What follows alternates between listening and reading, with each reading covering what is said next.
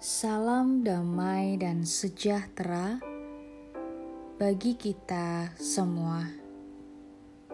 Saudara yang terkasih, hari ini kita akan bersama-sama merenungkan firman Tuhan yang diambil dari Kolose 4 ayat 2 dan 3.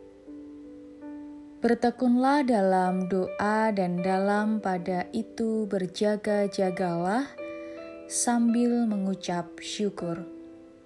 Berdoa jugalah untuk kami, supaya Allah membuka pintu untuk pemberitaan kami, sehingga kami dapat berbicara tentang rahasia Kristus, yang karenanya aku dipenjarakan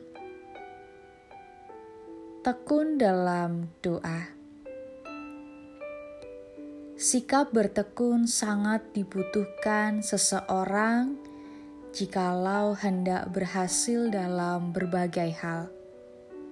Misalnya saja ketika anak-anak yang masih sekolah dan punya harapan bisa menyelesaikan pendidikannya dengan baik, maka harus bertekun bertekun dalam belajar, bertekun dalam memanfaatkan waktu, dan lain sebagainya. Bahkan jikalau saudara yang sudah bekerja dan berkeluarga, jika menginginkan mendapatkan kesuksesan dan kecukupan, maka yang harus dilakukan juga bertekun dalam menjalani pekerjaan serta tugas dan tanggung jawabnya.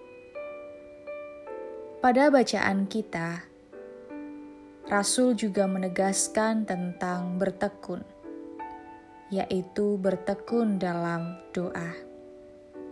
Bertekun dalam doa merupakan hal yang perlu dan sangat penting bagi setiap orang percaya, sebab bertekun dalam berdoa merupakan nafas orang percaya untuk memperbaharui imannya untuk semakin baik setiap harinya. Bertekun di dalam doa dimaknai bahwa kita harus melakukannya dengan sungguh-sungguh. Tidak pernah bosan untuk berdoa, karena doa merupakan jalan yang dimiliki orang percaya untuk berhubungan dengan Allah. Di dalam doa, kita tidak hanya meminta apa yang kita butuhkan bagi diri sendiri, tetapi lebih daripada itu adalah di dalam berdoa. Kita juga perlu mengucap syukur atas apa yang sudah kita terima dari Allah.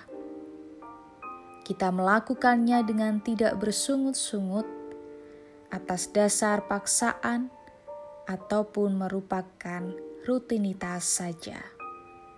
Maka, hendaklah kita selalu berdoa dan mengucap syukur kepada Allah yang dimulai dari diri kita sendiri, juga dalam keluarga. Karena doa adalah nafas hidup orang percaya. Maka bertekunlah dalam doa dan mengucap syukur kepada Allah bertekun di dalam doa, Allah pasti mendengar.